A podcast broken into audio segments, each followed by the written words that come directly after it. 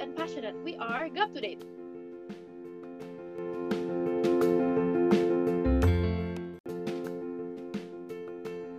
Hai generasi anak panah, ketemu lagi sama kita di Gap to Date.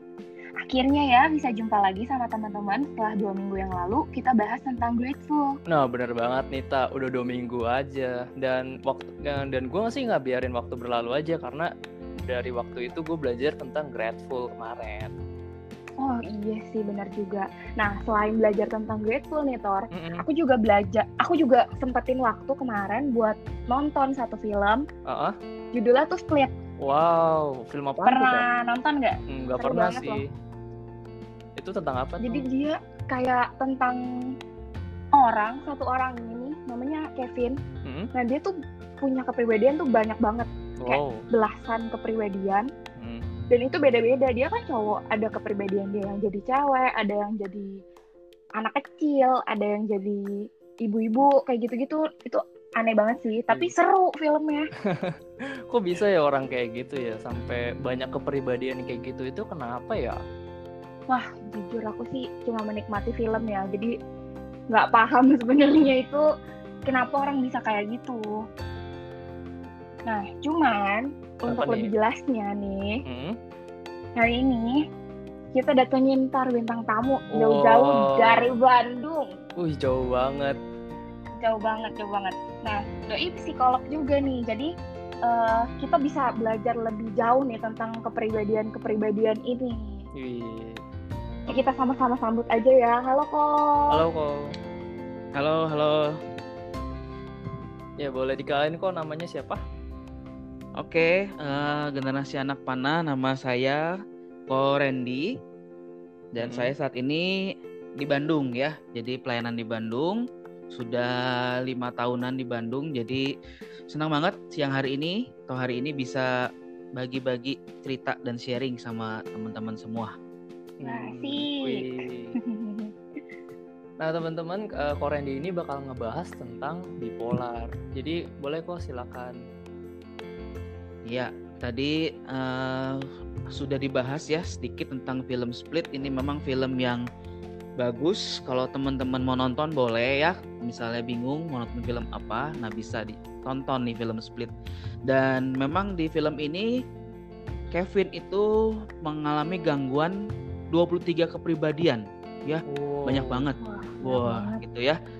Nah, hari ini kita mau bahas bipolar. Nah, bipolar itu kepribadian ganda ya, teman-teman. Jadi itu lebih ngomongin sebenarnya perubahan daripada perasaan atau mood ya. Kan kita sering ngomongnya bad mood atau good mood. Nah, itu Hmm. hal yang udah biasa banget tuh ya di anak-anak muda kan lagi bad mood nih, lagi bete gitu kan. Jadi ah males apa ngapain. Nah, ini kalau gangguan bipolar ini bukan semua dia eh oh hari ini bete terus besok seneng enggak tapi ini dia alami ya teman-teman ya.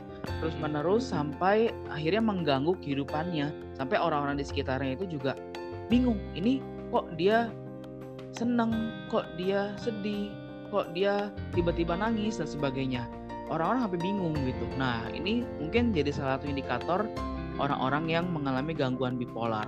Nah jadi simpelnya ya orang yang mengalami gangguan bipolar itu adalah orang yang moodnya itu swing ya atau gampang banget berubah dari satu titik ke titik ekstrim. Jadi dari sedih ke seneng gitu ya. Sehingga ada yang bilang gangguan ini juga disebut gangguan manik depresif. Ya manik itu kan mania seneng gitu ya. Wah happy terus apa suasana hatinya tuh kayaknya gembira semangat sampai dia nggak bisa tidur. Kayaknya tuh bawaannya tuh senyum-senyum terus pengen ngapain pengen ini pengen itu. Nah dan ekstrim berikutnya itu depresi. Dia nggak mau ngapa-ngapain maunya di kamar aja mellow nangis ya. Diajak ngomong juga dia nggak ngebales nggak nge apa namanya nggak nggak respon kita dan sebagainya. Nah itu sampai seperti itu. Sampai orang-orang di sekitarnya bingung nah itu memang gangguan ini ya banyak faktor ya ada yang karena dia mengalami gangguan di keluarga mungkin ya ada yang dia mengalami uh, genetiknya dan sebagainya jadi banyak faktor sih teman-teman ya kalau ngomongin tentang gangguan bipolar ini gitu Tuh kok. Tapi dia sadar ya kok kalau dia lagi berubah-berubah gitu tuh dalam kondisi sadar gak sih? dia eh kalau ngomong sadar sih sadar ya dirinya sadar tapi dia tidak eh, apa ya ngelihat itu dia merasa dirinya baik-baik aja. Oh. Heeh, baik-baik aja. Pokoknya hari ini suasana hati saya tuh lagi murung aja. Ya udah pokoknya maunya di kamar. Diajak jalan hangout nonton ngafe dan sebagainya nggak mau. Hmm. tapi mungkin di hari berikutnya dia mau gitu.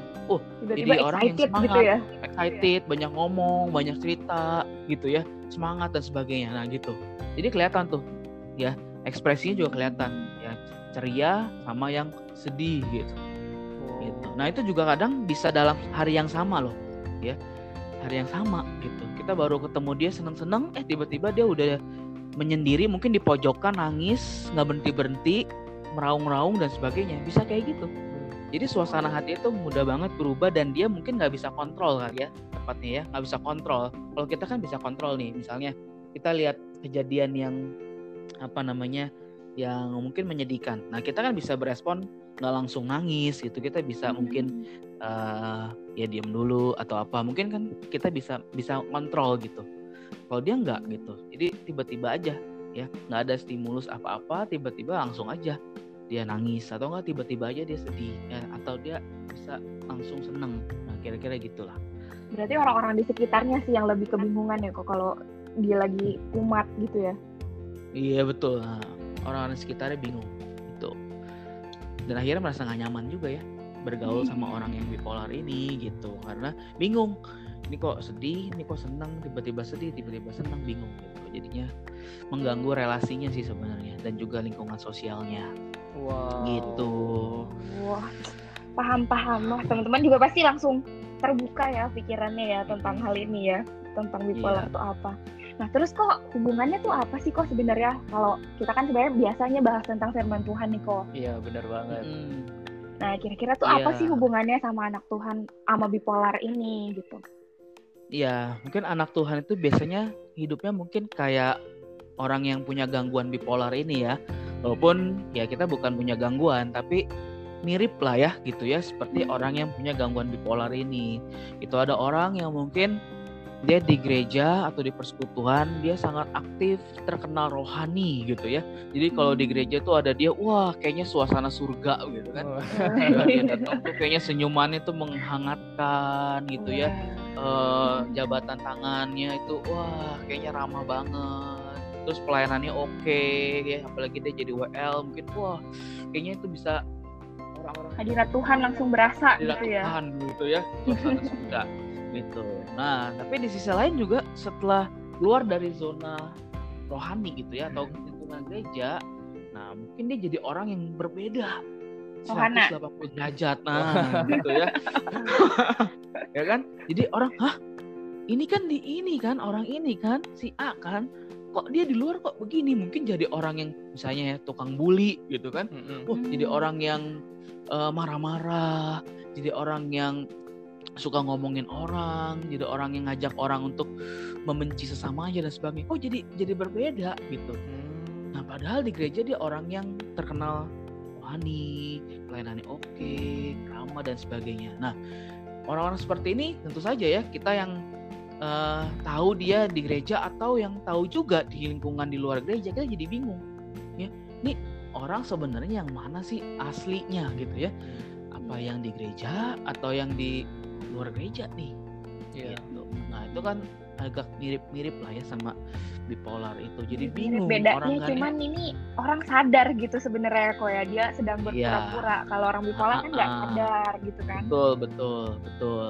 Dia kalau yang ini sadar betul, Bang. Tapi menurut Koko cara biar orang kayak seperti itu berubah gimana sih?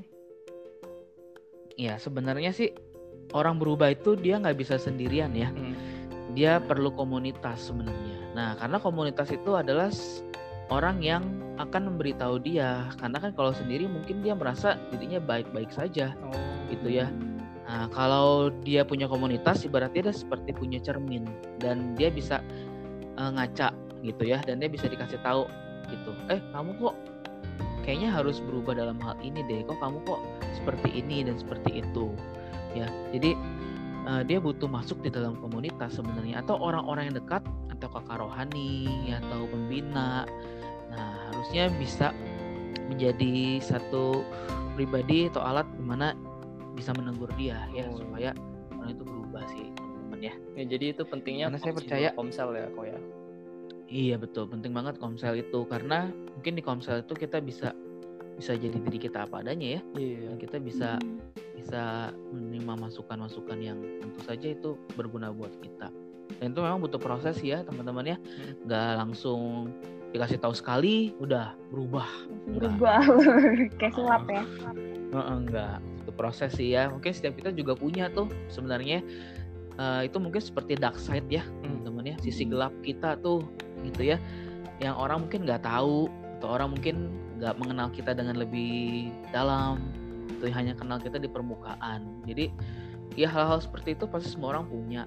Tapi yang penting adalah kita mau mau diingatkan mungkin sama orang lain ya kita mau dikasih tahu dan kita mau berubah gitu ya percuma ya kalau kita dikasih tahu eh kok kamu kayak gini sih kayak gitu dan sebagainya nggak nggak mencerminkan anak Tuhan atau dan sebagainya kalau kita nggak mau berubah sama aja gitu ya mungkin hanya Betul. masuk kuping kanan keluar kuping kiri udah selesai gitu ya gitu Oh. wah Hmm. thank you banget kok Iya pikiran kita terbuka lewat sharing kita Mungkin sama satu lagi hari satu ini. lagi nih ya Apa tuh? Nah, ini eh, intinya sih sebenarnya teman-temannya mengingat dari apa Rasul Paulus ketika dia menuliskan surat kepada jemaat di Galatia ya. Nah, dia ngomong gini ya, dalam hidup kita itu ada pertentangan antara keinginan daging dengan keinginan roh. Wah, ini kan dua sisi nih ya yang bertentangan nih. Iya. Ya, mirip bipolar nih ya, teman-teman ya. Tahu sih apa yang baik, apa yang kata firman Tuhan, bilangnya suruh mengasihi, suruh mengampuni, suruh memberi dan sebagainya. Tapi prakteknya sering kali kan kedagingan kita ya atau dosa lah ya yang menguasai kita akhirnya "Ah, ngapain sih baik sama dia, ngapain sih kita memberi, ngapain sih kita mengampuni dia, orang dia sudah jahat sama kita dan sebagainya. Ngapain sih mengasihi orang tua ya orang tua kita kayaknya nggak layak dikasih dan sebagainya. Akhirnya apa? Ya udah itu cuma sebatas di gereja dengar khotbah yes amin. Tapi prakteknya ya itu ya kita perlu uh, Roh Kudus yang menolong kita. Jadi itu mungkin ya uh, hal yang praktis yang bisa kita lakukan teman-teman. Terus mengandalkan uh, Tuhan ya di dalam kita menjalani kehidupan supaya apa? Ya tingkah laku kita, perilaku kita di gereja dan di luar gereja itu sama gitu ya, mencerminkan anak-anak Tuhan. Dan itulah yang membuat Tuhan tuh dipermuliakan di dalam kehidupan kita. Kira-kira gitu, teman-teman.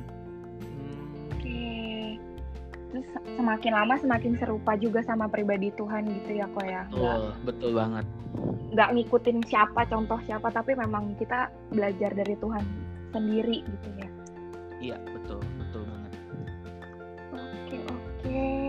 Iya jadi Itu banget. ya jadi teman-teman ternyata kita uh, bisa juga jadi anak Tuhan yang bipolar. Jadi kayak uh, bukan karena gangguan mental doang, tapi karena kita sudah terlalu terbiasa berbuat dosa. Iya, Yes, betul. betul betul. Jadi kita dari pelajaran hari ini kita mau sama-sama belajar jadi anak Tuhan yang mau dikasih tahu, mau dinasehatin, punya komunitas yang baik dan yang pasti kita harus belajar semakin serupa sama pribadinya Tuhan ya teman-teman. Ya semoga uh, generasi anak panah nggak gitu ya meskipun gitu tadi udah dikasih tahu nih cara gimana menanganinya eh mengatasinya ya kak ya Heeh, betul, betul. Ya komunitas itu penting. Mm. Terus juga kita harus mau berubah. Yes. Sip. Oke, Oke mungkin, Mungkin- gitu aja kali ya kok terima kasih untuk sharing hari ini semoga uh, sharing yang koko berikan juga bisa memberkati anak generasi anak panah wih Amin. Amin. Thank you. Mm. oke. Dari segi- segitu aja kita hari ini teman-teman. Thank you yang udah dengerin lagi. Sampai ketemu lagi dua minggu depan di Gap Today. to Date.